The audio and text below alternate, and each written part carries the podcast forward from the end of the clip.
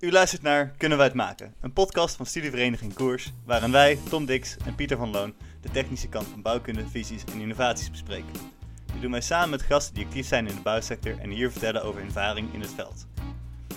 Op de bouw, en zeker in de betonsector, zijn we niet bekend als het meest duurzame wat er is.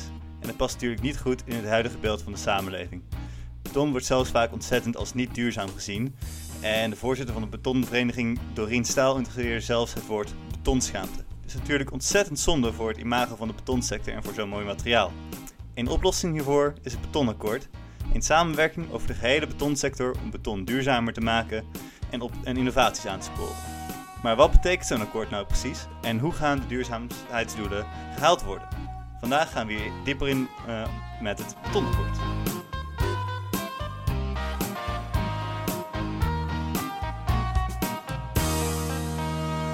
Ja, dat uh, klopt inderdaad, Pieter. Maar uh, voordat we verder gaan met het betonakkoord, waar ik heel veel zin in heb, waar ik echt heel erg naar uitkijk, en ik heb een heleboel vragen, zijn we nog even gedwongen, want dat hebben we altijd standaard. En het is ook goed om even terug te kijken naar de vorige aflevering. En in de vorige aflevering uh, praten wij met Arjen Deetman. Arjen is net begonnen met, met zijn PhD en die is ook heel erg gefocust op robotica in de bouw.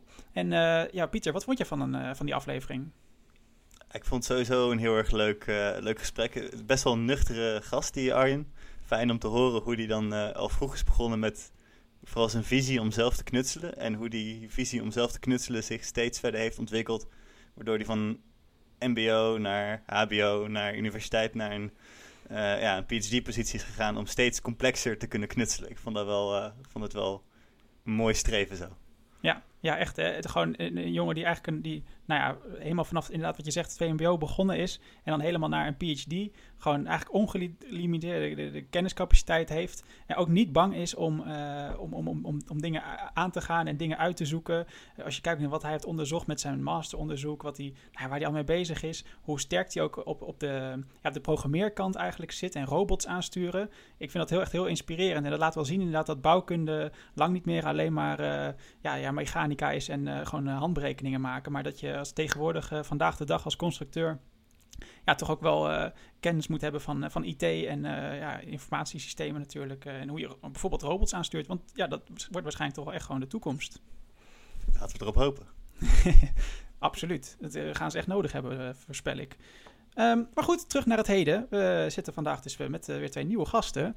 Um, want uh, vandaag gaan we in gesprek met uh, Jacqueline Kramer en Henk uh, Wapperom om te praten over het betonakkoord. Jacqueline is oud-politicus, hoogleraar aan de Universiteit Utrecht en ze heeft haar eigen adviesbureau. Daarnaast is ze op het moment ook voorzitter van het Betonakkoord. Duurzaamheid heeft in alle stappen van haar carrière een belangrijke rol gespeeld met diverse universitaire posities en haar eigen adviesbureau in duurzaam ondernemen. Henk Wapperom is uit de betonwereld aangesloten bij het Betonakkoord. Vanuit de betonvereniging, een belangrijke speel in het Nederlands betonwereld, is Henk betrokken bij het delen van kennis en onderwijs en deze rol vervult hij nu ook bij het Betonakkoord. Een belangrijke taak om de nieuwe generatie die met beton gaat werken goed op de hoogte te houden van de huidige stand van zaken. Welkom Jacqueline en Henk. Dankjewel. Ik vind het leuk om te zijn hier. nou ja, ja heel leuk. Ja, heel fijn om jullie te hebben en leuk dat jullie uh, hier tijd voor hebben. En um, even kijken. Um, ja, Jacqueline, jij, uh, het is niet, uh, niet elke dag dat we een oud Tweede Kamerlid spreken. Dat, jij bent voormalig politica, als het goed is. Ja, dus ik ben geen Tweede Kamerlid geweest, maar minister. Want oh, excuus. En dat is in de, in de, niet in de hiërarchie wil ik zeggen, maar in de rol die ik moest spelen. Ja, ja, ja, ja. ja. Nou, dat laat wel weer zien hoeveel kennis ik daarvan heb. Um, maar hoe, is dat eigenlijk gegaan? Hoe ben je daar, uh, hoe ben je daar terechtgekomen? En hoe, komt het, hoe ben je nu op deze positie uh, terechtgekomen? Ja, mij was ook gevraagd om in de voorbereiding van het afsluiten van het akkoord een rol te spelen. Met name omdat ik uh, in mijn praktijk veel bezig ben met circulaire economie van de grond krijgen, met bedrijven. En uh, ja, toen uh, waren er in die voorfase om het akkoord op te stellen een aantal tafels, zoals we dat noemden. En één daarvan, die was erg belangrijk, dat was circulair ontwerpen en circulair maken van de reststromen van beton. En dat heb ik voorgezeten om uiteindelijk de teksten die in het akkoord terecht zijn gekomen met die groep, die tafel, voor te bereiden en op papier te zetten.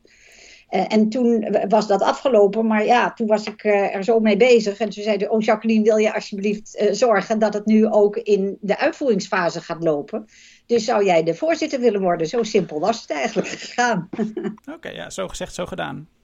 En toen heb ik ja gezegd, omdat ik het een hele uh, spannende uh, en ook uh, ambitieuze uitdaging vind om dit voor elkaar te krijgen met al die verschillende partijen. Nou, daar komen we straks nog wel op terug. Maar ik dacht, nou, daar ga ik voor staan. Kijk, duidelijk. Hartstikke mooi. En um, ja, Henk, jij komt natuurlijk uh, van oorsprong, je hebt een hele andere achtergrond. Uh, je, je, bent natuurlijk veel meer als, uh, als, als, constructeur en beton, betontechnoloog. kom je uit, weer uit de betonsector, ben je bij het betonakkoord beland. En mijn vraag eigenlijk, Henk, om dit gesprek te beginnen. Um, wanneer was voor jou eigenlijk het duidelijk dat jij dacht van... nou, de betonsector staat wel echt voor een enorme uitdaging... en de roer moet eigenlijk wel om op duurzaam gebied? Ja, dat, dat gaat al eigenlijk veel langer terug. Want ehm, ik vertelde net uh, in het voorgesprek al dat ik, had ik uh, ergens in 1993 ben ik begonnen bij de cementindustrie als technisch redacteur. daar was ik verantwoordelijk voor de, de nodige uitgaven, boeken en tijdschriften. En vanaf dat moment ben ik al bezig geweest met het zoeken naar vernieuwing. Vernieuwing op het gebied van toepassingen en duurzaamheid. Duurzaamheid is een woord dat altijd aan beton is vastgekleefd. Hè? In, wel met name de lange levensduur daarvan. Het was, was, voor mij altijd onbegrijpelijk al, en ook al in mijn vorige functies, dat, dat we de term economische levensduur zo belangrijk hebben gevonden. Eh, terwijl, waarom een constructie slopen als die technische levensduur nog lang niet is uh, verstreken? Je kunt, je kunt ja. echt, als je een constructie goed neerzet, kun je daar eh, tientallen jaren, misschien wel, uh, nou, wel meer dan honderd jaar, kun je daarvan gebruik maken. Waarom na tien jaar, als, als het voorbij is, weer slopen? we hebben heel lang in die wegwerpmaatschappij geleefd en daar geen, ja, daar geen, geen waardering voor getoond voor, voor de waarde van een reeds gebruikt product. Dat moet echt anders. Ja, en milieu, milieu heeft ook altijd wel mijn, uh, mijn warme belangstelling gehad. Uh, ook in mijn eigen dagelijkse leven vind ik, uh, vind ik milieu erg belangrijk. Nou ja, zo'n tien jaar geleden, toen raakte ik betrokken. Dat was nog voordat ik naar de betonvereniging ging. Toen raakte ik betrokken via een, een oud collega van mij bij de Green Deal Beton. Die is destijds vanuit de MVO Nederland opgestart. 2010 eh, of 2011 was dat. En toen ik bij de betonvereniging kwam in 2012, uh, uh, ja, ben ik ook daar ja, vanuit persoonlijke betrokkenheid eigenlijk ook mee verder gegaan. Dus nee, beton en duurzaamheid, dat, dat, dat staat niet haaks op elkaar. Dat, dat hoort bij elkaar. Vanuit persoonlijk perspectief is ook al lang bezig met, met het thema. Zeker, zeker. Kijk, ja. dat is altijd, uh, altijd fijn om te horen. Een gast die, die, vol, uh, ja, vol ambitie en kennis en motivatie zit over het onderwerp waar we ze voor hebben natuurlijk. Ja. Um, voordat we nou beginnen echt met het hoofdonderwerp, hebben wij altijd een, een vragenvuur om een beetje het gesprek op gang te krijgen. En jullie krijgen beide een driestel, drietal stellingen. En het zou dan leuk zijn als jullie een beetje kort en snel kunnen reageren. En uh, hopelijk krijgen we dan een beetje grappige antwoorden of een beetje iets om, uh, om op voor te beduren. En we kunnen dus uh, achteraf altijd even terugkomen op de stellingen om ervoor te zorgen dat er even iets meer nuance in komt en om ze een beetje toe te lichten. Maar onze ervaring leert dat het een goed manier is om, om het gesprek een beetje aan te knopen, aan, aan, om mee te beginnen. Dus ik zou willen vragen aan Jacqueline. Um, de eerste stelling. Het betonakkoord jaagt de bouwsector naar andere materialen dan beton. Is dat waar of niet waar? Niet waar. Niet waar. En dan heb ik een uh, stelling voor Henk. De ambities van het betonakkoord zijn haalbaar. Waar of niet waar? Zijn waar. Waar. Ja. ja. Dan weer uh, terug naar Jacqueline. De grootste potentiële duurzaamheidswind zit in de betonsector van de bouwsector. Niet waar. En, oké. Okay. En Henk, ik hou van beton. Waar of niet waar? Ja, waar. Grote verrassing. Um, en dan weer naar Jacqueline. Er is geen overheidsinterventie nodig om de sector te verduurzamen. Niet waar. Niet waar. Kijk, interessant. Uh, en de laatste stelling uh, is dan voor Henk. Uh, alle betonconstructies kunnen ontworpen worden met een hoogwaardig hergebruik als einde levensfase. Waar of niet waar? Uh, ja, waar. Uh, het is wel een heel, hele uh, algemene stelling, hè, maar die, die vergt heel wat nuancering nog, denk ik. Maar goed, waar. waar ja. Oké, okay. ja, nee, super. dat is zeker een antwoord. En er is nu tijd voor, uh, voor, uh, voor toelichting. En uh, Jacqueline, we begonnen natuurlijk met die stelling... het betonakkoord jaagt de bouwsector naar andere materialen. Want het, het, is nogal wat, hè? Ik heb niet waar gezegd. Ja. Mhm. En waarom is dat? Omdat, kijk, het betonakkoord richt zich op het CO2-arm en circulair maken van beton. En dat betekent dat wij ons richten en ons uiterste best doen om van die betonschaamte af te komen en te zorgen dat we uh, met uh, een, een stralende glimlach kunnen zeggen: wij zijn duurzaam.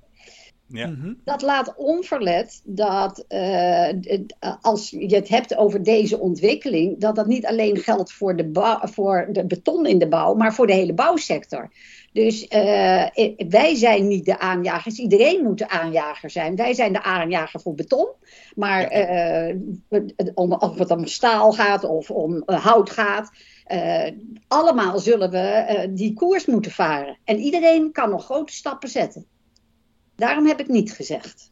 Kijk, uh, ik ga hem meteen heel even doorpakken, want daar was ik zelf wel nieuwsgierig naar. En ik was erover aan het twijfelen om het ook nog als stelling te gebruiken. Maar zou je durven zeggen dat dit dan misschien een mooie blauwdruk is voor andere sectoren binnen, binnen de bouwsector? Een betonakkoord, zou er ook een staalakkoord of een houtakkoord moeten komen, denk je? Zeker. Maar nou wil ik dat meteen wel even toelichten. Want anders Zeker. denken mensen, oh gunst, weer een akkoord. En het zoveelste akkoord. En gebeurt er dan wel wat? Hè? Met zo'n ondertoon van cynisme. Um, ik heb uh, een uh, boek geschreven over uh, het belang van netwerksturing naast overheidssturing. Complementair aan eigenlijk, overheidssturing. Want wat je merkt in de grote transities waar mee bezig zijn, of het nou circulaire economie is, of de duurzame energievoorziening, of duurzame mobiliteit. Uh, als je die transities in gang zet, heb je het over complexe veranderingsprocessen.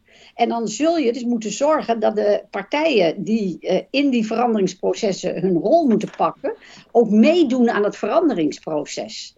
En die netwerken die je dan nodig hebt, uh, die zullen moeten zorgen dat daarmee in combinatie met overheidsinterventies je een enorme sprong kan maken. En helaas is het niet meer zo als in het verleden. Ik loop al zo'n 50 jaar mee in milieubeleid uh, uh, als het gaat om de aandacht daarvoor en ook de betrokkenheid. De, toen, in het verleden, konden we gewoon een één bedrijf aanspreken en zeggen: bedrijf, u stoot te veel uit. U moet uw emissies naar beneden halen. En dan plaatsen ze filters of vetvangers, weet ik het. Maar dan konden ze dat gewoon op die manier wat reduceren. En dan leek het alsof het allemaal in orde is. Nou, we zijn nu vele malen verder. Want we zijn nu in een fase terechtgekomen waar het en niet meer alleen gaat om wat er aan het eind van die pijp uitkomt. Maar we moeten het hele productieproces en de hele keten meenemen. En we moeten zorgen dat dus die hele keten verduurzaamt. Nou, ja, als je dat uh, in, in gedachten neemt en dan de enorme transitie die gemaakt moet worden, dan heb, kan je wel voorstellen dat we allemaal wel naar die overheid op dezelfde manier kunnen kijken als 40, 50 jaar geleden. Maar dat die overheid dat dan dus ook niet alleen kan, maar wel moet zorgen dat de sturing dus zo optimaal is dat dat netwerk wat mee moet bewegen ook inderdaad anders gaat werken en handelen. Nou, dat is een nieuwe manier van denken, netwerksturing, uh, die uh, dus niet zozeer betrekking heeft op het woord akkoord, want dat is een mooi stukje papier, maar dat heeft te maken met het organiseren van een veranderingsproces richting een bijvoorbeeld circulaire en duurzame energie voorzienende uh, betonsector. Hè? Uh, en, en, en, dat hele bouwwerk op gang brengen, uh, dat is waar ik mee bezig ben met al die partijen. En ik zal er zo ook wat over toelichten, omdat ik dus een boekje geschreven heb over hoe je dat dan aanpakt. En dat doe je dan heel systematisch met hele duidelijke doelstellingen. En ook als die resultaten niet gehaald worden, weer een terugkoppeling naar: hela, uh, die partij, jij loopt achter, jij moet ook handelen. Want anders ben je de zwakste schakel van het hele netwerk om te zorgen dat het toch gebeurt.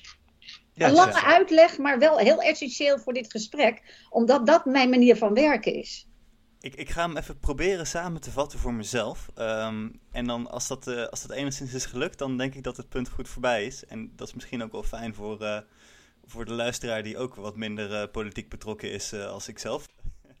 maar zo'n het betonakkoord, om het dan even zomaar te zeggen als voorbeeld, is een soort van um, ja, um, actie of methode geweest eigenlijk om alle partijen die in de betonsector zitten te verenigen en samen met de overheid te kijken van hoe kunnen wij ervoor zorgen dat dit dat wij samen gaan werken als één, één unit om ervoor te zorgen dat het duurzamer wordt.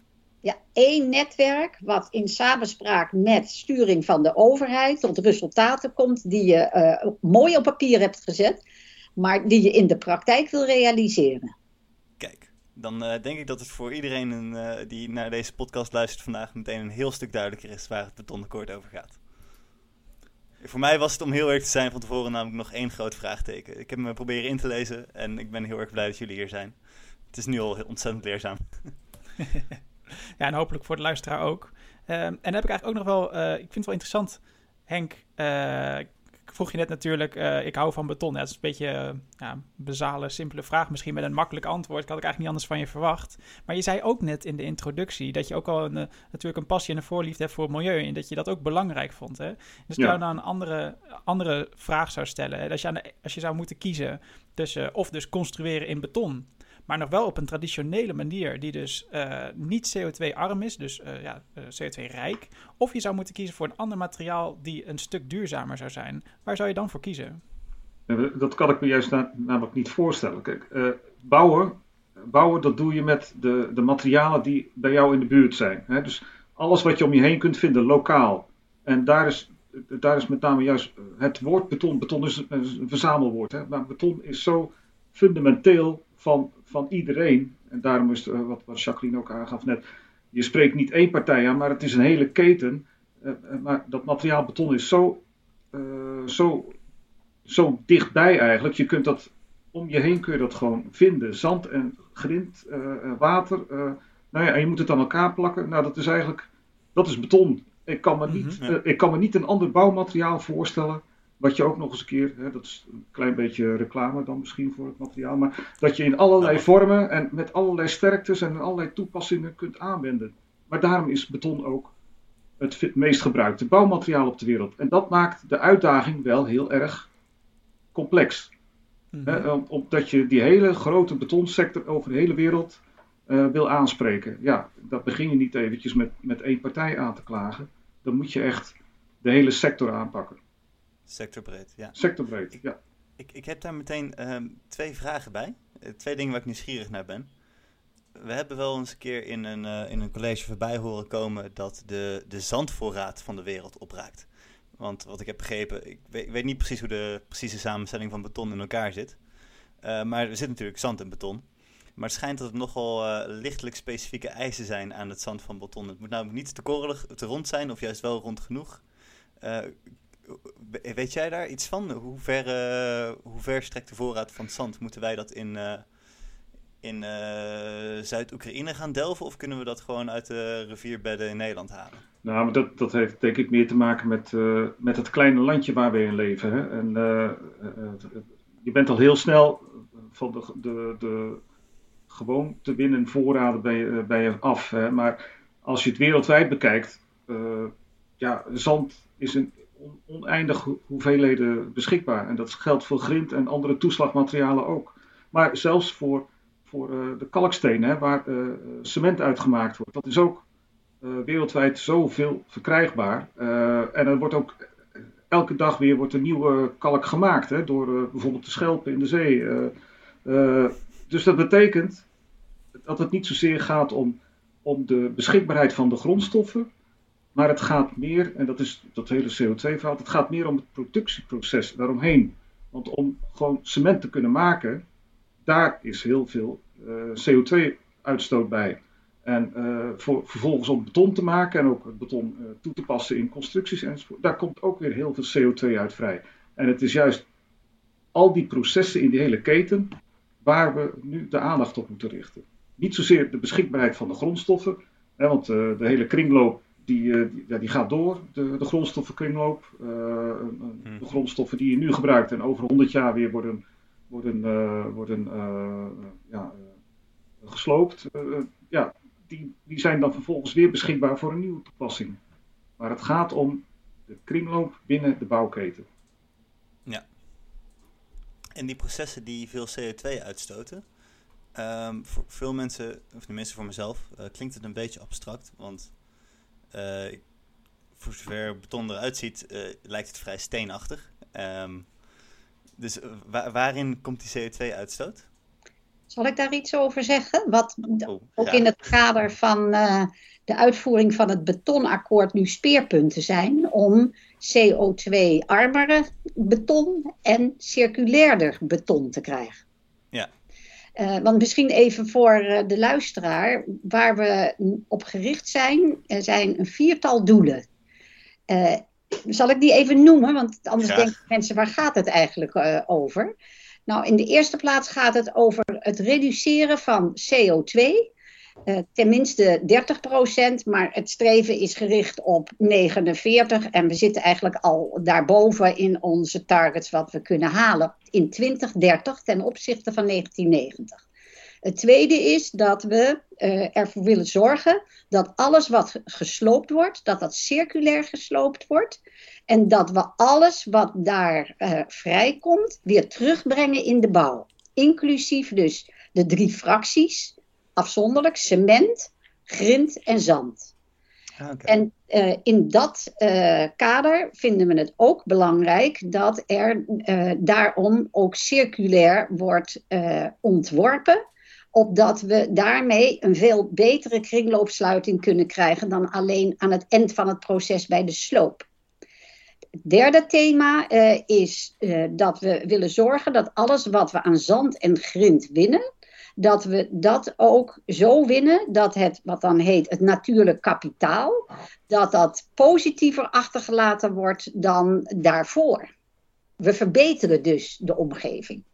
Ja, en het, het vierde is dat we hebben gezegd dat moet ondersteund worden, zowel door vernieuwing in termen van innovatie, als in termen van onderwijs. Dus die twee uh, speerpunten binnen het vierde thema zijn ook gigantisch belangrijk. En als je nou terugkomt op waar halen we dan, hè, want dat was je vraag, die CO2-reductie en ook dat circulaire.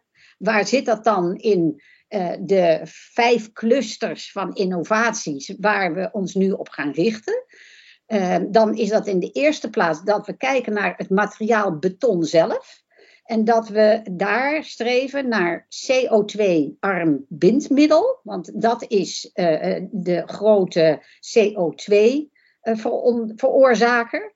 Uh, mm. Dat is nu uh, met name Portland cement. Maar je kunt dus die, dat bindmiddel uh, dat kan je uh, vervangen door geopolymeren of gecalcineerde klei of uh, hoogoverslakken.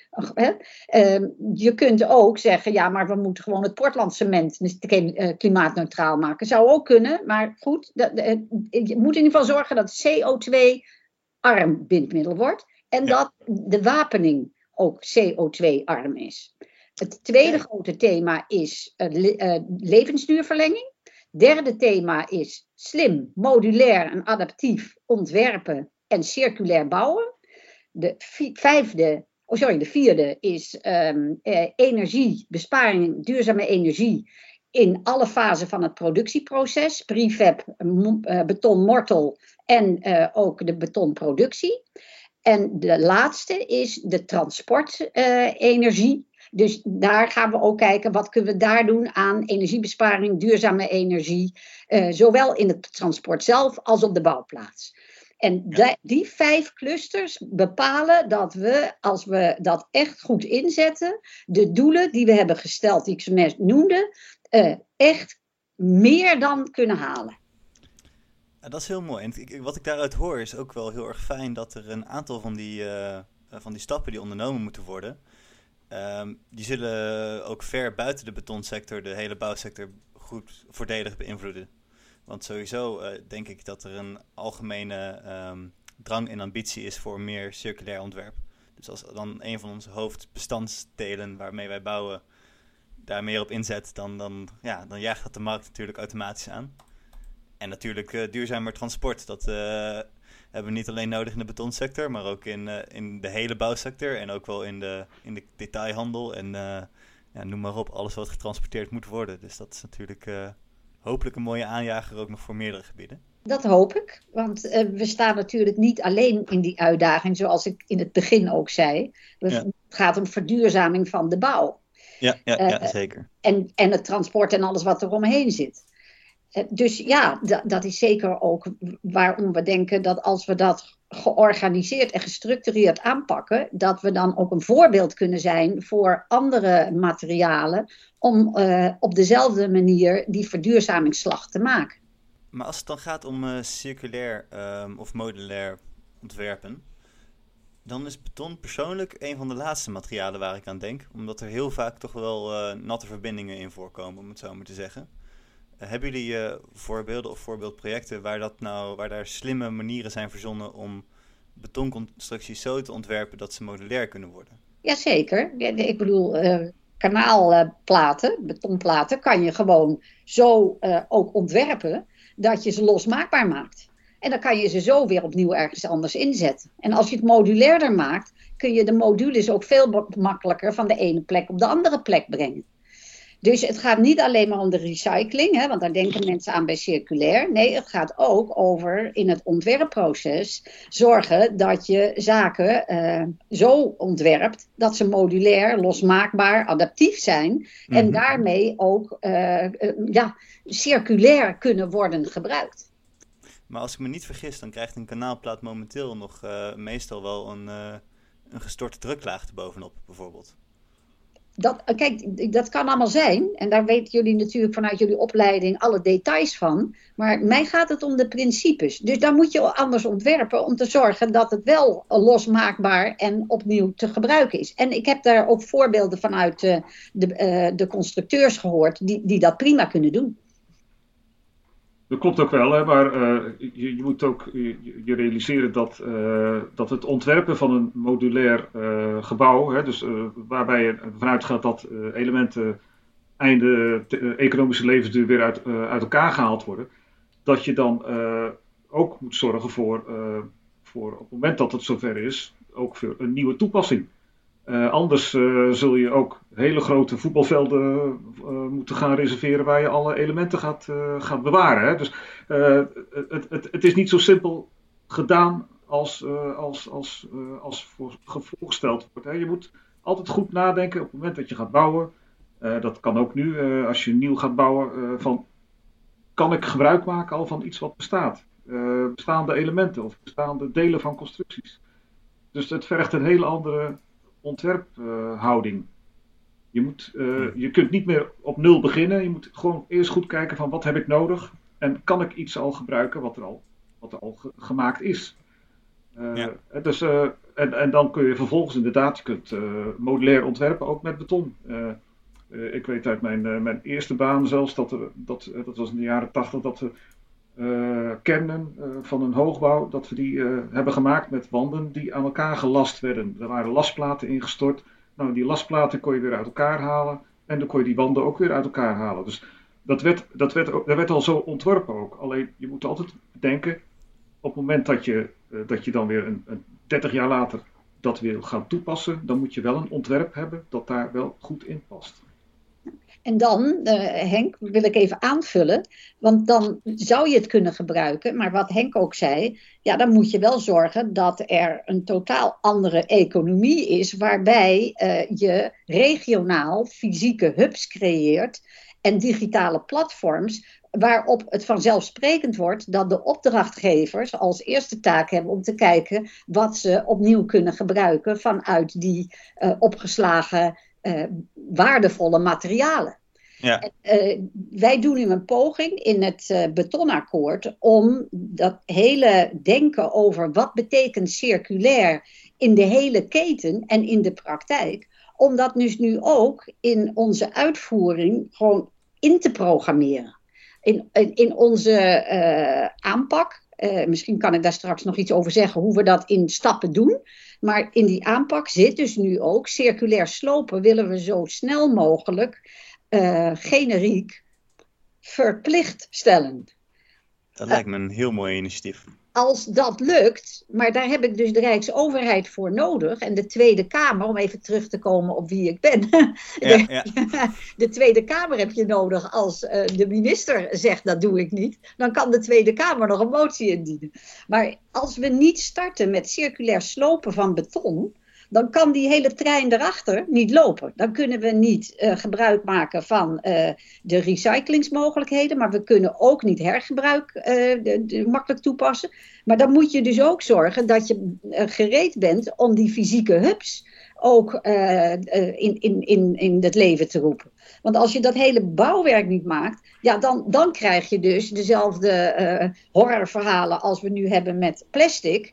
Dat uh, eerst verscheepten we het allemaal naar China en daar kwam een verbod op. En nu weten we bij, God niet wat we met al het plastic moeten. En, en we verschepen het weer op een manier die ook uh, verschrikkelijk is. Dus wat we willen doen is zorgen dat het hele systeem wel meebeweegt. En dat is elke ja, ja. keer het probleem. En dat is waarom ik zo uitgebreid zei netwerksturing. Dat is dat we te maken hebben met complexe veranderingsprocessen. En dan moeten al die pijlers van al die verschillende partijen op groen staan om te doen wat ze moeten doen.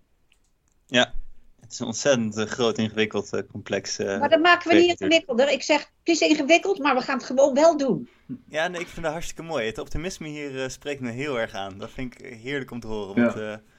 Maar het begint, bij jullie generatie. Hè? Uh, jullie staan weer aan het, de vooravond van, uh, van de, nieuwe, de nieuwe ontwerpmethodiek. Je moet ontwerpen. Als je ontwerpt, moet je dat circulaire, die circulaire gedachte moet je altijd bij je houden.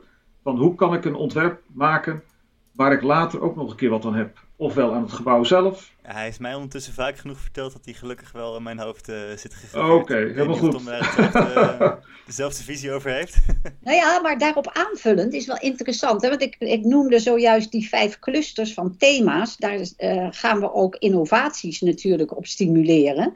En ook dat gaan we gecoördineerd doen, zodat we niet allemaal ons focussen op één innovatie en daar tien voorbeelden van hebben. Nee, we gaan het proberen zo goed mogelijk te spreiden met het geld wat we hebben. Maar uh, als we dan kijken naar thema 3, dat is het cluster rond slim, modulair, adaptief ontwerpen en, en circulair bouwen.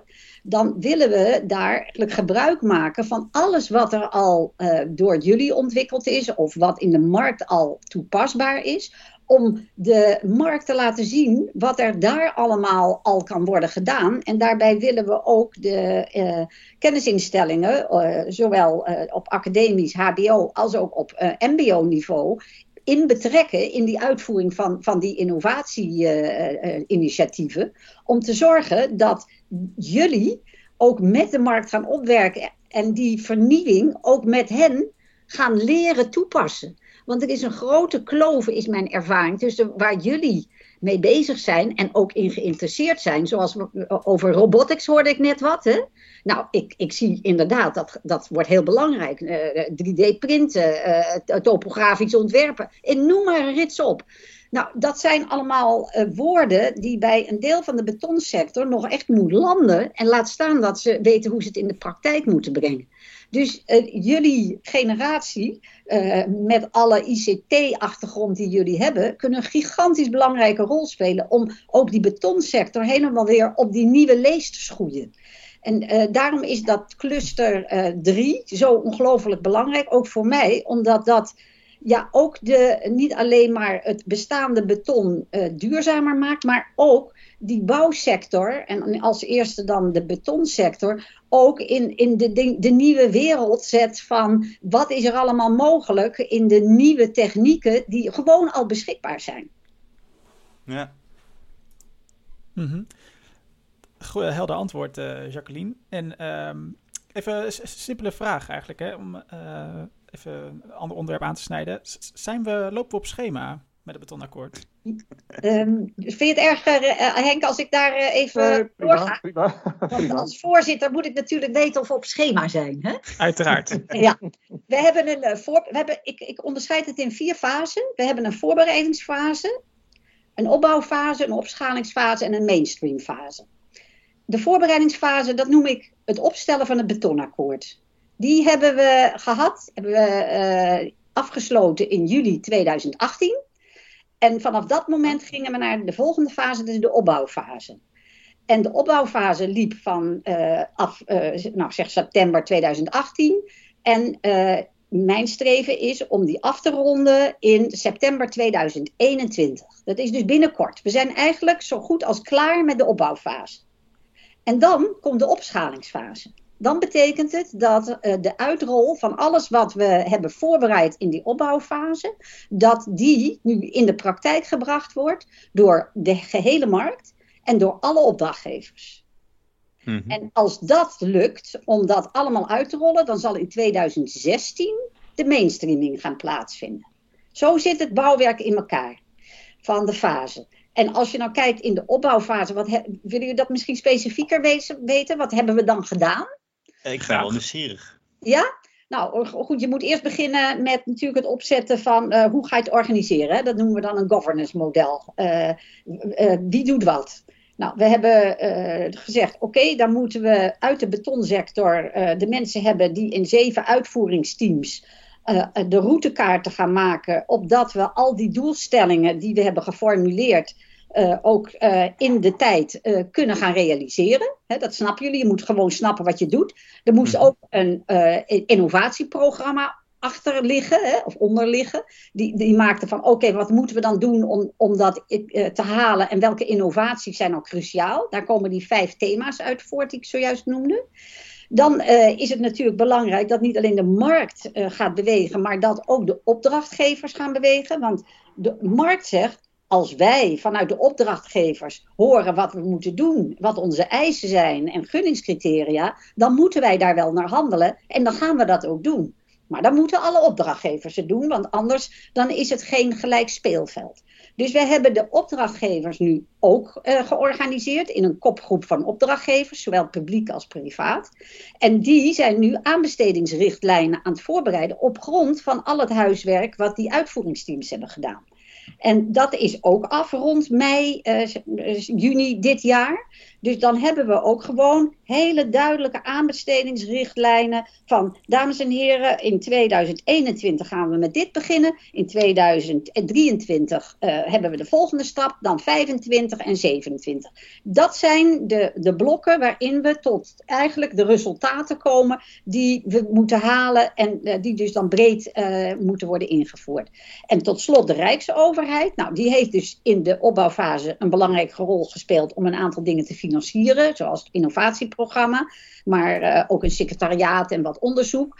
Uh, maar ze hebben nu ook een taak om te zorgen dat knelpunten die die uitvoeringsteams hebben uh, geformuleerd, die te maken hebben met belem belemmerende wetgeving of anderszins, dat zij mm -hmm. bottlenecks wegnemen en dat ze ook sturen, en dat is heel belangrijk, opdat alle uitvoerende opdrachtgevers ook daadwerkelijk gaan uitvoeren wat conform het betonakkoord gevraagd wordt.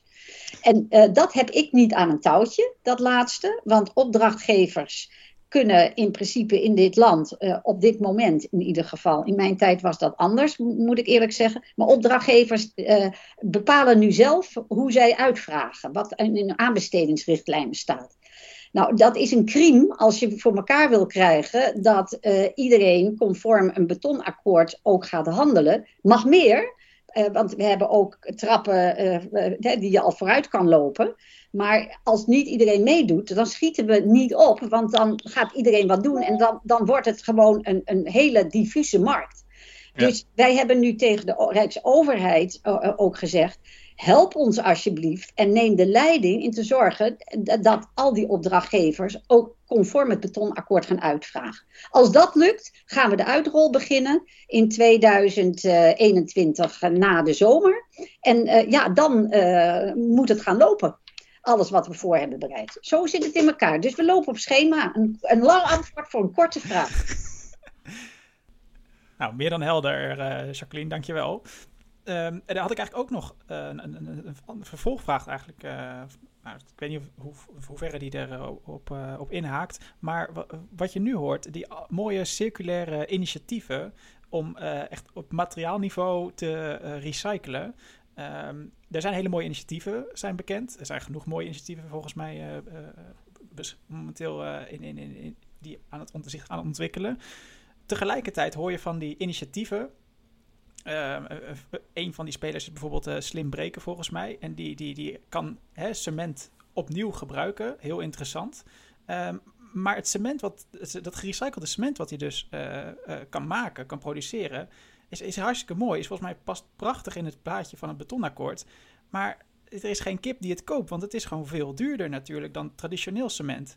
En dan zegt hij volgens mij, ja, ik wil graag een gelijk speelveld. Ik wil dat het traditioneel uh, cement of beton, dat daar gewoon een, een tax op komt. En dat is volgens mij wel vaker uh, voorgesteld. Wat is jullie kijk op uh, een belasting voor traditioneel CO2-uitstotend cement? Nou kijk, we kunnen verschillende knoppen ook door de overheid laten omzetten omdat wat jij zegt, slim breken, wat inderdaad gaat over het uh, separaat weer, weer terugwinnen van zand, grind en cement.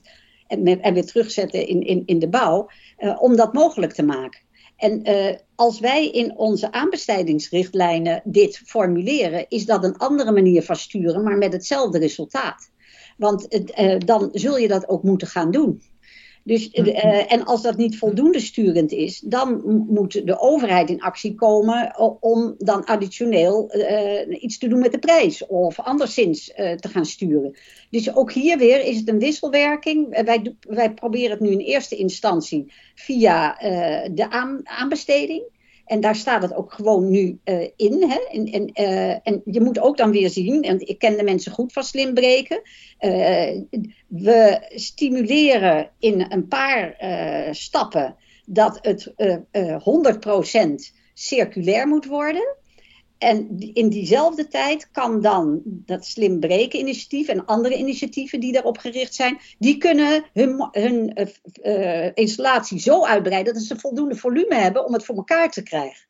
En, en dan moet ook dat circulair slopen helemaal mainstream zijn geworden. Want anders heb je die aanvoer niet. Ja, ja. Dus het hangt allemaal met elkaar samen. Snap je wat ik bedoel? Dus het is een bouwwerk wat je langzaam opbouwt. Maar wel met duidelijke piketpalen. Dan gaat dit gebeuren. Dus dames en heren, dan moet iedereen die dan uh, een rol speelt, moet klaar zijn met die volgende ja, stap.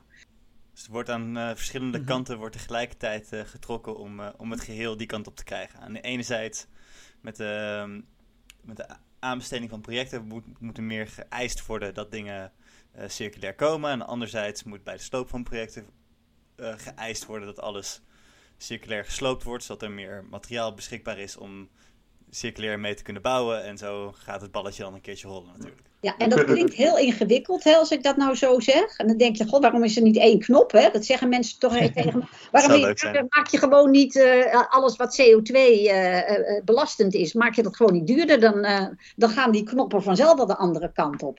Nou, ik, ik, ik laat even Henk het woord wat hij daarvan vindt. Ja, ja, ja, nou ja, ja wat, wat ik, dat is ook wel een klein beetje naïef om te denken dat een prijsmechanisme in deze zal werken. Want als je het hebt over slim breken, de hoeveelheid cement uh, die daar nog uit voortkomt, is nog niet 1% van de totale behoefte aan cement op het ogenblik. Hè. Dus, dus het is maar een, heel, een hele kleine druppel op, uh, op het geheel. Dus een prijsmechanisme alleen maar om, om het cement wat uit breken wordt gehaald, om dat te bevorderen, dat, dat, dat zal nooit gaan werken. maar wat je, wel, wat je vooral moet, moet zien is dat dat je wel kunt sturen naar uh, het, het, toepassen van andere bindmiddelen. En ook uh, zorgen dat, dat de basis van de Portland cementklinker, hè, want daar, daar, dat is eigenlijk de, grote boosdoener, dat je die basis kunt, kunt verkleinen. tot nu toe zijn de, de alternatieven altijd geweest met hoogovercement en Portland vliegascement, dat er toch wel een zekere basis van Portland cementklinker in zat. Maar je zult andere activa activatoren nodig hebben. Hè, dat zal je als, je als je een beetje technologiekennis uh, ook hebt, zal je wel begrijpen hoe dat, hoe dat werkt. Je zult ook andere het is een lastig woord, activatoren nodig hebben uh, om, om die, die binding uh, aan de gang te krijgen. Want die, die korreltjes, cement, zand en grind en andere toeslagmaterialen, die korreltjes moeten aan elkaar geplakt worden. Dus dat bindmiddel, dat is van wezenlijk belang. En als je grote projecten wilt maken, grote constructies wilt maken, dan zul je sterk, een sterker bindmiddel nodig hebben dan, dan, uh, dan wanneer je alleen maar een, een, een huis bouwt hè, met, met twee verdiepingen. Dus dat, er, val, valt nog heel veel uh, onderzoek daarin te verrichten. Ja, en wat dat betreft loopt is volgens mij een van de redenen dat wij als Nederland over het algemeen erg positief en, en, en lovend zijn over de betonsector. Is omdat wij natuurlijk ontzettend veel hoogoven slak al gebruiken in onze cementproductie. Waardoor het relatief uh, laag is in, in, in, milieubelasting. Het is um, zo dat, als ik je even mag onderbreken, het is wereldwijd 7 tot 8 procent van de totale CO2-emissie. Heel veel. Maar bij Mhm. ons, eh, en de, de getallen die, die verschuiven de hele tijd. Dus dat vind ik een beetje lastig. Want de ene zegt 2 tot 3 procent. En de ander zegt weer eh 1 procent. En de ander zegt 3 tot 4 procent. Maar het is in ieder geval een heel stuk lager. Laat ik Ja, het daarbij ja. Het is zeker, eh, zeker twee keer zo weinig. Echt zeker twee keer zo weinig. Laten we het dus daar. Maar ehm, wat dat betreft natuurlijk, het is een ontzettend mooi middel wat wij dan nu hebben. Eh, maar het houdt een keer op, lijkt me. Eh, we hebben natuurlijk ook helaas de laatste tijd in het nieuws dat die eh, fabriek in, eh, wat is het, Limburg, van Tata Steel. Nee, Zuiden. Dat zijn naar en Muiden. ja. Muiden. Muiden, Muiden. Pieter. Eh, ik heb het weer eens door elkaar aan het gooien. Maar dan ook, dat, dat die, eh, die zit in moeilijkheden. En er is een grote kans dat die gaat sluiten. Nee hoor. Zo, zo gauw gaat Tata Steel nog niet sluiten in Nijmegen hoor. Maar, maar vroeg, maar vroeg of laat zullen er, neem ik aan, dus ook andere, ehm, andere alternatieven moeten gevonden. Dat is, dat is meer mijn punt. Ja. Eh, Maar goed, aanhaken- aanhaken daarop.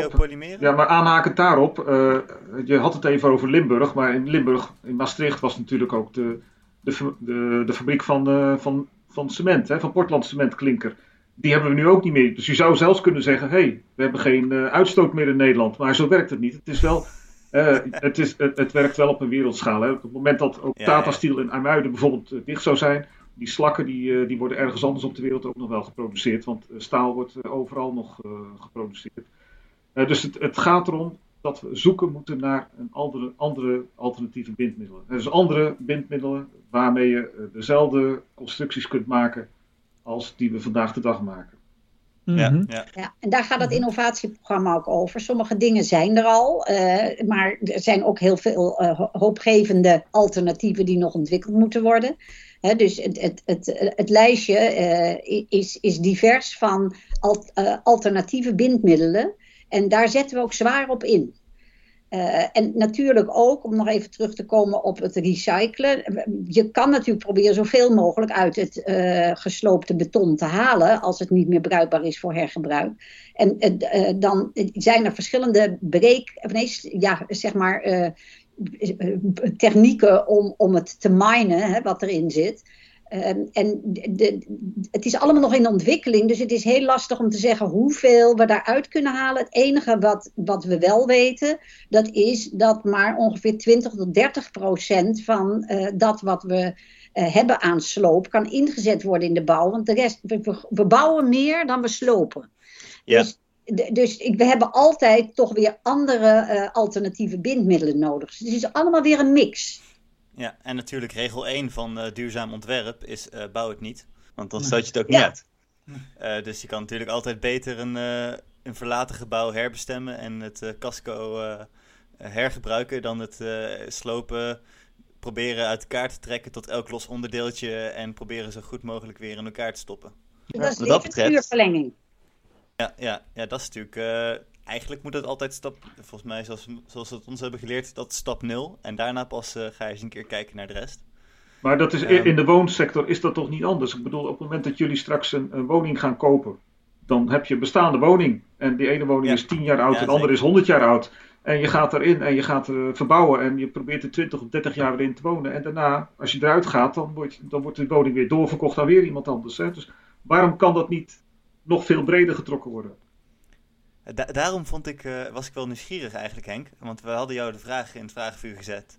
Van eh, alle betonconstructies eh, kunnen ontworpen worden met een hoogwaardig einde levensfase. Mhm. Je kan natuurlijk ook zeggen, ja, dat is helemaal niet nodig. Ehm, je kan gewoon ontwerpen voor eh 200, 300 jaar. Casco dan. Ja, Ehm, maar tenminste, als ik denk aan, aan echte grote, vooral de infrastructuurprojecten, eh, bruggen, viaducten, ehm, dergelijke. Dat is over het algemeen in mijn, eh, eh, naar mijn weten, een vrij eh, aan elkaar gestorte massa van, eh, ehm, van veel elementen. Eh, en hopelijk gaan die inderdaad decennia als niet millennia mee, of ja, gewoon lang, lang mee. Heb jij enig idee of visies over hoe echt die grote infrastructuurprojecten, als die ooit een keer niet meer nodig zijn, hoe je daar dan nuttige elementen uit kan halen? Het, het is niet zozeer dat ik er s'nachts wakker van lig, maar ik, uh, ik, ik vind het af en toe wel heel lastig om, uh, om, om daar een voorstelling van te maken. Hè. de, de, de eerste, de, neem de tunnels die, die in de jaren 40, 50 in Nederland zijn gemaakt, de grote verkeerstunnels die er nog steeds liggen. Wat wat over 100 jaar, als die tunnel niet meer functioneert. maar dat geldt ook voor een hoogbouw. Hè. We hebben de afgelopen 10, 20 jaar over de hele wereld enorme hoge gebouwen neergezet. Eh, in, in, het Midden-Oosten bouwen ze nu een, een, een, woongebouw van een kilometer hoogte. Uh, wat als dat einde levensduur is, uh, ga je dan dat gebouw weer slopen of zo? Uh, dat, ik, ik, ik weet het niet. Het, het, is, het lijkt me zo erg ingewikkeld. Bij zo'n grote civiele constructies ook. Een, een, nou, de, de stormvloedkering in de, in de Oosterschelde. die is voor 200 jaar ontworpen. ja, en dan, als het klaar is, ga ik het dan weer slopen. Ik, dat vind ik lastig. Ja. Misschien dat ja, Jacqueline daar een andere, een andere gedachte bij heeft. Maar als je zulke constructies ziet, wat denk, wat denk jij daar dan bij, Jacqueline? Nou ja, ik, ik, denk vooral aan levensduurverlenging in alle opzichten om tegemoet te komen aan uh, spaarzaam gebruik van grondstoffen. En dat betekent ook dat je onderhoud, heel serieus neemt. Dat je uh, uh, aan de kant van repareren veel meer doet, ook in allerlei nieuwe toepassingsvormen. He, want wat we nu al met self-healing beton kunnen en zo, uh, als we uh, meer budget ook in gewoon de reguliere uh, investeringen opzij zetten. Om te zorgen dat gebouwen ook goed kunnen blijven functioneren qua kwaliteit. Ja, dan, dan win je nog meer. Dus dat is ook wat betreft cluster 2, hè, het speerpunt rond levensduurverlenging naast uh, hou gebouwen nou gewoon in stand. Als, als, als dat mogelijk is. Hè. En, en dat is één. Maar uh, als je het in stand houdt, zorg dan dat je het uh, altijd in goede conditie houdt. En ja. maak daar ook een belangrijk aandachtspunt in de aanbesteding van. Ja, ik denk dat het inderdaad goed is om kritisch te blijven en de ambities voor circulair, circulaire economie en circulair ontwerp is natuurlijk schitterend. Maar bij sommige dingen moet je gewoon doorhebben. Um, het verlengen van de levensduur is de, de beste toepassing voor, voor dit project, deze situatie, deze tunnel, deze hoogbouw, wat mogen het ook zijn. Hier in Eindhoven staat een uh, gigantisch uh, betonnen skelet, uh, ongeveer naast het PSV-stadion. En zolang ik hier studeer, is die eigenlijk al kaal en leeg. En ik kan er niet bij met mijn hoofd dat die nog steeds leeg is en dat hij nog geen herbestemming heeft gevormd. Um, dus ja, het zou mooi zijn als dat soort uh, onnodige verspillingen, zeg maar, uh, of ruimtelijke verspillingen is het dan, uh, ook een beetje tegengegaan zouden worden in de toekomst. Dat lijkt me wel fijn om te zien. Ja, dat, dat hebben we ook meegenomen in onze programmering. Dat het gewoon ook onderdeel is van het handelen van opdrachtgevers. Mm -hmm. Ga niet meteen weer iets nieuws neerzetten, maar kijk wat, wat er aan voorraad is om de bestemming die je nodig hebt te realiseren. Maar je, er zit ook een economisch principe wat, wat er aan de grondslag ligt. Als je de laatste tien jaar neemt, uh, er zijn enorm veel kantoorgebouwen neergezet overal in, uh, in Nederland. Langs de snelwegen. Ik, uh, nou, we, we, hebben zelf een kantoor in Gouda. Als je bij de snelweg van Gouda kijkt, daar staan tientallen kantoren staan vrijwel leeg. die zijn ooit neergezet omdat iedereen daar in wilde huisvesten. Nou ja, in de huidige situatie zou je zeggen, ja, Nee, ik, ik, ik werk thuis. Uh, Jacqueline is waarschijnlijk ook heel veel thuis aan het werken. heb je al die grote kantoorruimtes nog wel nodig? Ja, ook, nee, niet, misschien niet, maar de ruimtes zijn er wel. Wat doe je er dan mee? Ja, uh, woningbouw dan maar. Kunnen we daar allemaal aparte, appartementen in maken? We hebben een grote woningnood. Nou, doen we het dan op die manier. Maar sloop ze niet.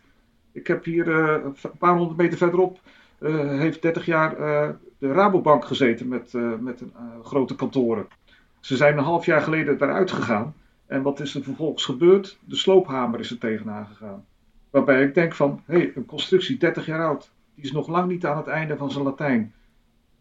had daar niet iets anders mee gekund? Nou, Doodzonde, ja. dat soort gedachten, ja, daar, zou, daar zou je meer mee moeten. Hebben jullie nog uh, visies of uh, ja, hebben jullie nog visies op, over, over de financiële uh, kant van het hele circulaire bouwen? Is dat, um, komt dat wel goed? Of is het door middel van dit betonakkoord, hebben jullie daar concrete stappen voor? Want het gebeurt nog weinig voor mijn gevoel. Uh, nu zit ik natuurlijk ook niet helemaal in de circulaire economie, maar zijn er nog extra stappen nodig om het aantrekkelijker te maken om meer circulair te ontwerpen, ondernemen, om het zo maar te noemen? Nou, het, het, he dat, dat, heeft ook een beetje te maken met de eigenaar. Hè? Uh, als je, hm. als je uh, een gebouw ontwerpt uh, voor, een, voor een projectontwikkelaar, die projectontwikkelaar is niet de eigenaar. Die heeft vervolgens een beheerder en die beheerder die, die, die moet dan zorgen voor het onderhoud en voor de exploitatie. Maar zo'n beheerder kan na, na vijf jaar dat gebouw ook weer doorverkopen. Dus de vraag is altijd als je iets ontwerpt, wie is de eigenaar van het ontwerp? Wie heeft er baat bij dat die overwaarde in het ontwerp, dat die, dat die daadwerkelijk ook uh, op enig moment weer zich uitbetaalt. Ja. En wat uh, met de e-, circulaire economie altijd een punt is, is hoe bereken je de kosten en de baten over de keten? En uh, we zijn heel erg lineair altijd gericht in ons denken. Uh, en uh, ook heel erg gericht op uh, elke schakel in de keten die zijn eigen businessmodel en kosten minimaliseert en businessmodel optimaliseert. Dus wat met dit soort zaken altijd aan de hand is, dat als je gewoon helemaal over de keten kijkt, dan is dat helemaal niet duurder.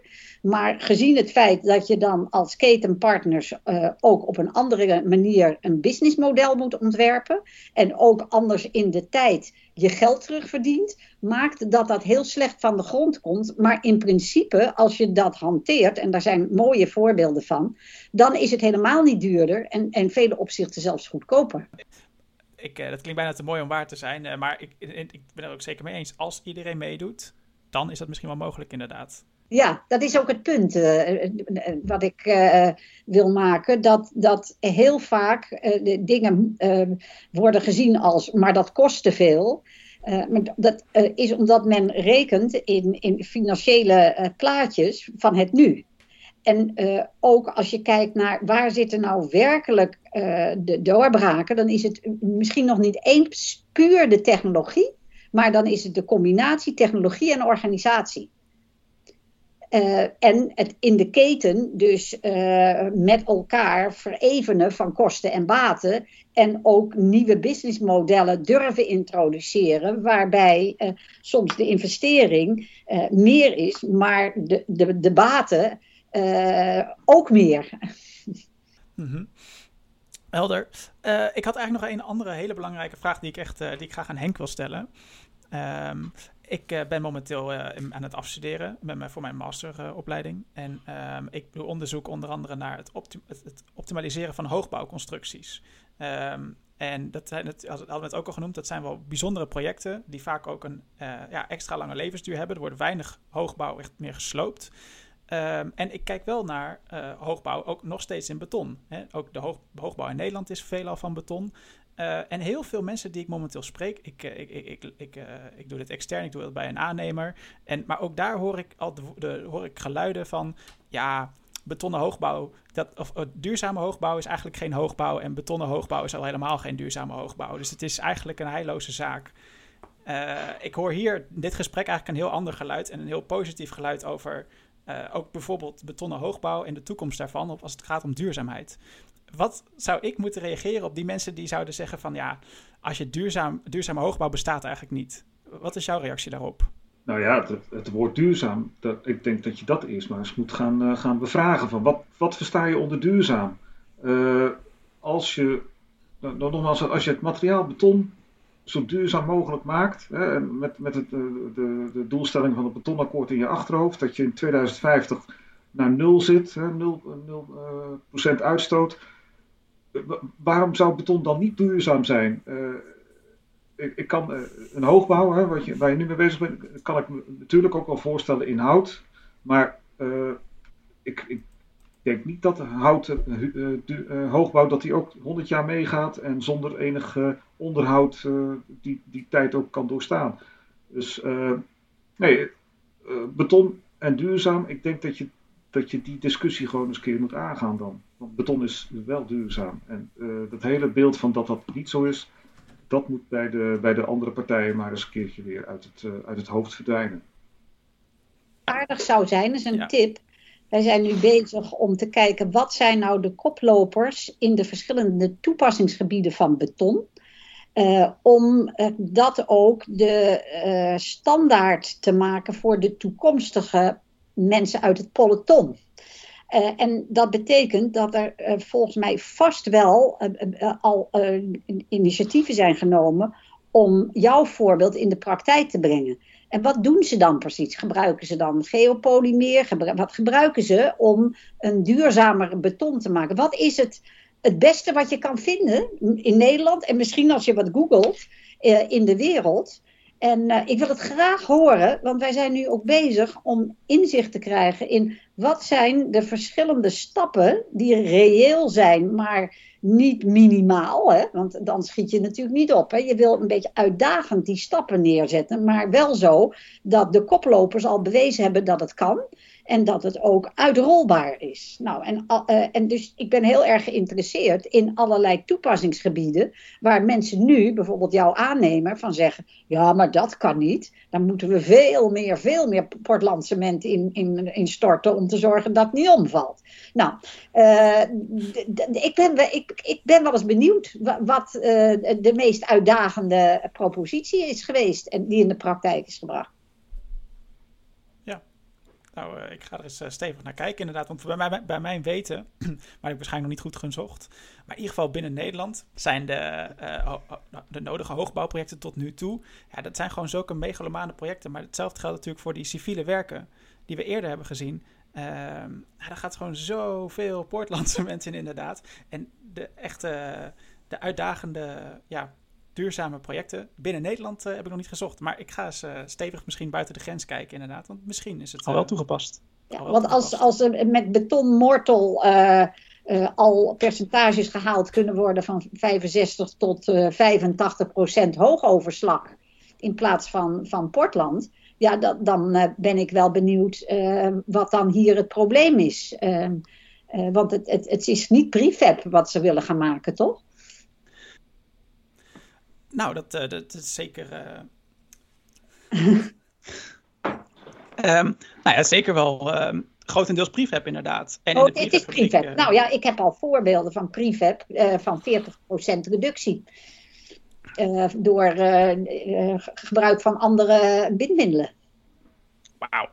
Hebben we het dan ook over geopolymeren of andere alternatieve bindmiddelen? er zijn voorbeelden van geopolymeren en van, van hoogoverslaggebruik in de, in de prefab. En voordat we het nou de hele tijd over een wonderwoord hebben, eh, wat is een geopolymeer? Een, een, geopo een geopolymeer. Nou, je zegt al een geopolymeer. Het is, het is ook al een verzamelnaam. Dat is eh, van, van heel veel verschillende soorten. Uh, met name alkalisch geactiveerde bindmiddelen zijn dat. Uh, er is niet één definitie te geven van wat is een geopolymeer. Uh, wat je vooral op dit moment moet onthouden is dat het een bindmiddel is waar, uh, waar geen Portland klinker in zit. En dus dat op een andere manier tot stand komt met uh, veel minder CO2-uitstoot.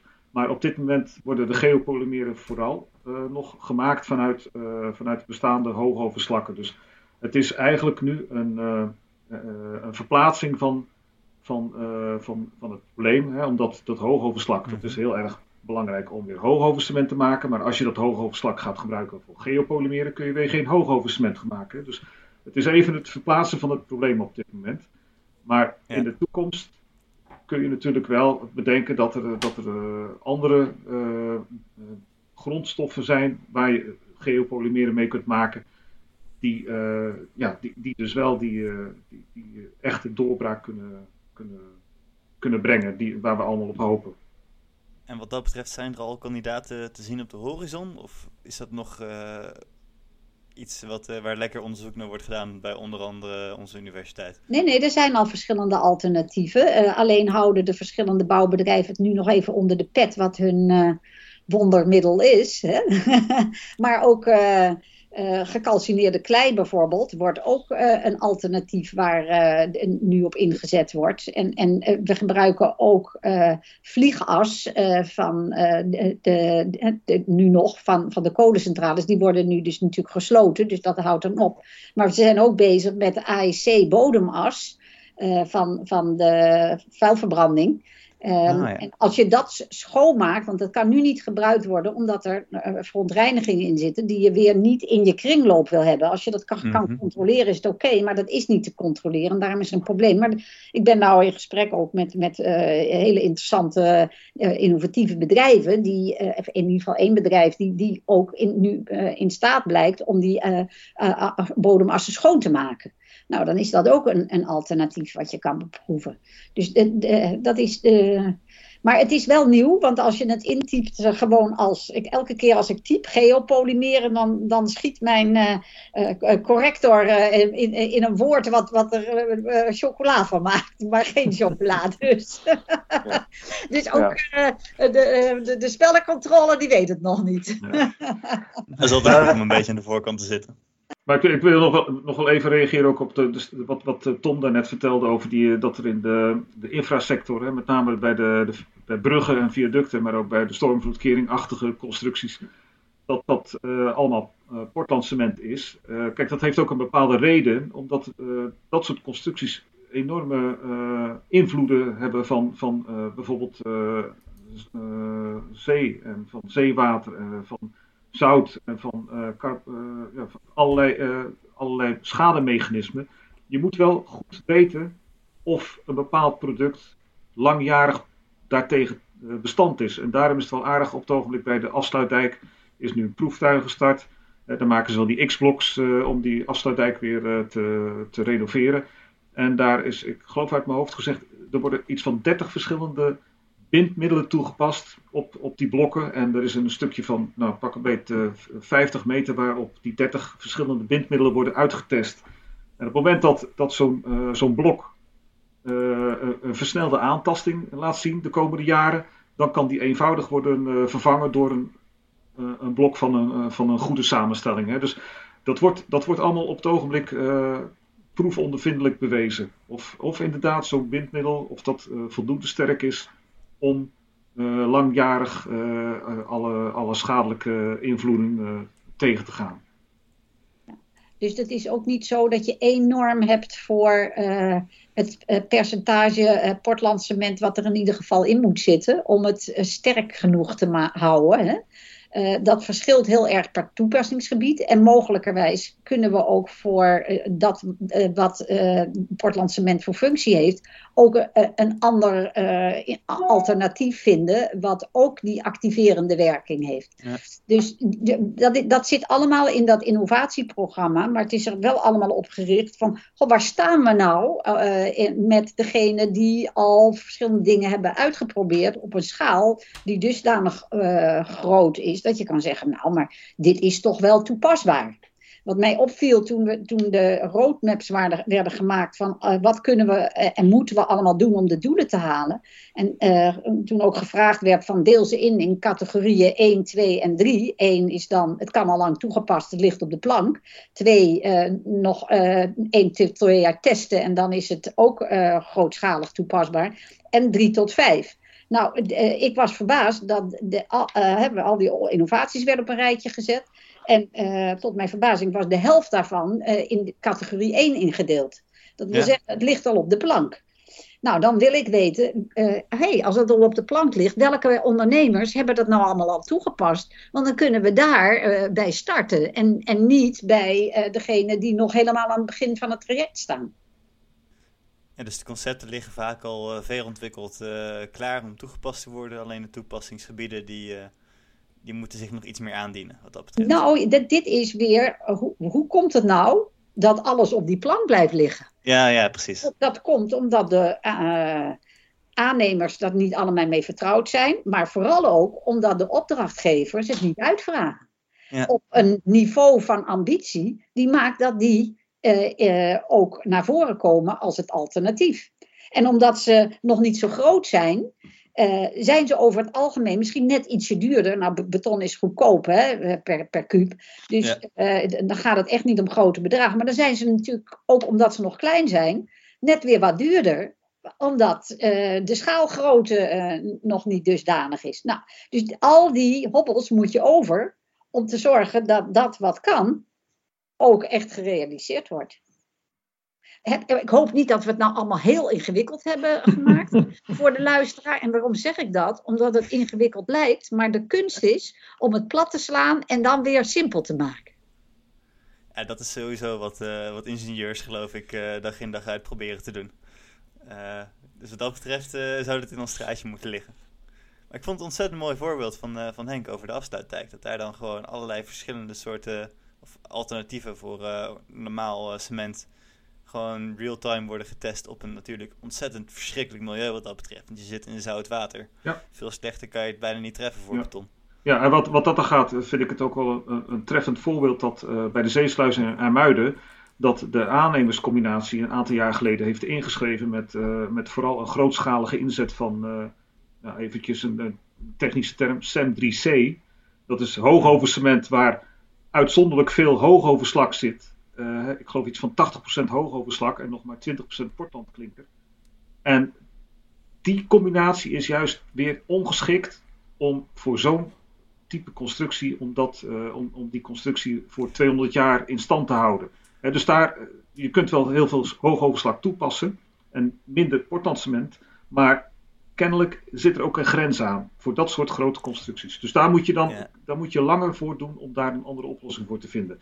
Voor dit moment uh, zit daar toch weer gewoon veel Portland cementklinker in. Maar dat heeft ook, ja, het is een, een, constructie die moet ook, ja, die moet 200 jaar mee. En het is een constructie van levensbelang, hè.